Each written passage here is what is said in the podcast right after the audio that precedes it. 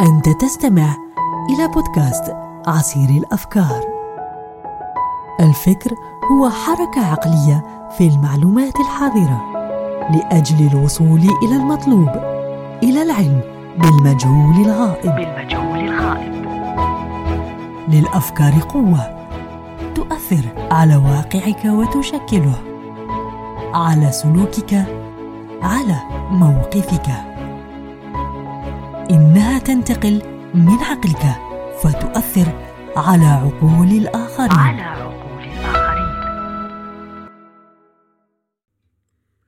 أهلا بكم حلقة النهاردة بعنوان ألزهايمر هل حدث لك في مرة أنك نسيت مكان المفاتيح التي تبحث عنها؟ هل اكتشفت أنها في يديك؟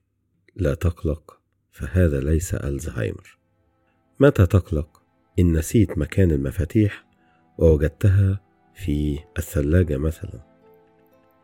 ألزهايمر إذا أردنا الدقة هو اسم الجراح الألماني الذي اكتشف هذا المرض وسمي بعد ذلك باسمه. فعندما قام بتشريح امرأة تدعى أوغست ديتر وجد تلفا من نوع خاص في خلايا المخ لم يلاحظه أحد من قبل. من هنا بدأ ألزهايمر. إن لم تخني الذاكرة. الأرقام والإحصائيات للمرض ده تكاد تكون مرعبة وخطيرة فعدد المصابين بهذا المرض يصل تقريبا إلى خمسين مليون شخص ومتوقع تضاعف هذا العدد ثلاث مرات بحلول عام 2050 يعني أننا أمام عدد في حدود 150 مليون شخص مصاب. في أوروبا والدول المتقدمة التفتوا إلى هذه الزيادة. فمثلا رفعت الولايات المتحدة استثماراتها السنوية في الأبحاث المخصصة لمرض ألزهايمر من 631 مليون دولار في عام 2015 إلى نحو 2.8 من عشرة مليار دولار في عام 2020 صراحة آه، كنت أتوقع أن مسألة النسيان مسألة بسيطة ومتكررة في حياتنا لكن بعد أن علمت أن هناك أعراض أخرى غير النسيان بدأت أشعر بالخوف. فالنسيان قد يشمل الحياة بأكملها لدرجة أن تكون شخص آخر في نظر نفسك وفي نظر غيرك يعني يمحى تاريخك بالكامل. لا تتذكر منه إلا لحظات وقد تضيع أيضا.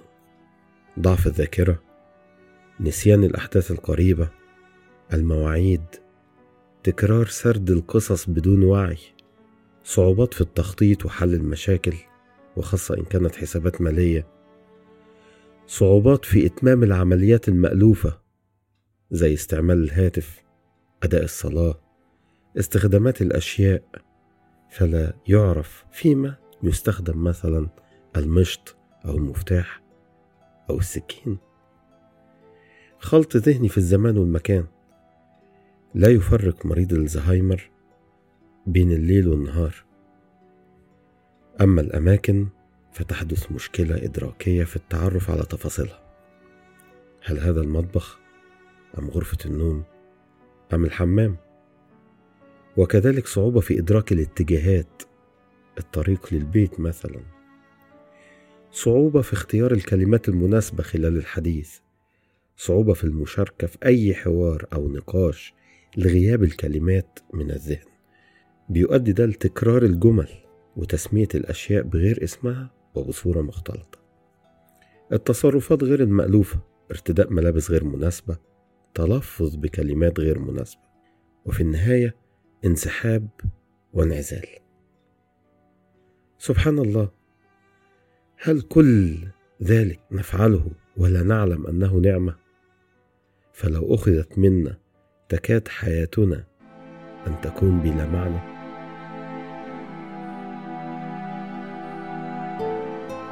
الحلول. نحتاج اولا لتثقيف الناس بدورات تعليمية على مستوى عام وعلى مستوى من يقوم برعاية مريض ألزهايمر. نحتاج ثانيا الابن أو الابنة أو الزوج أو الزوجة التي تقوم على رعاية مريض ألزهايمر أن يتصرف لها راتب كامل دون الذهاب إلى العمل. وكتير من الدول وضعت الفكرة دي إنها تكون قانون لها.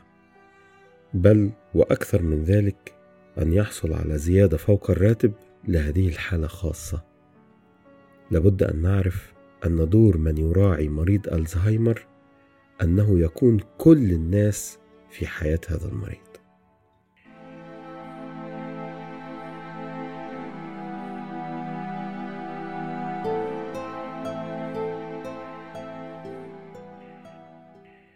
نحتاج ثالثا لمراكز متابعة صحية تتابع حالة المريض ومدى تقدم الحالة أو تدهورها بناء على الأدوية التي تكتشف لنكون أمام إحصاء صحيح لتأثير الأدوية الكيميائية على هذه الحالات.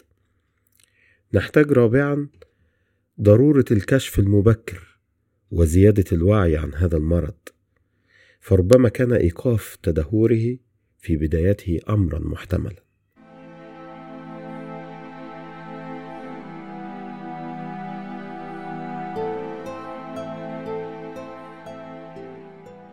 بكده نكون وصلنا لنهاية حلقة اليوم من بودكاست عصير الأفكار أرحب بآرائكم وتعليقاتكم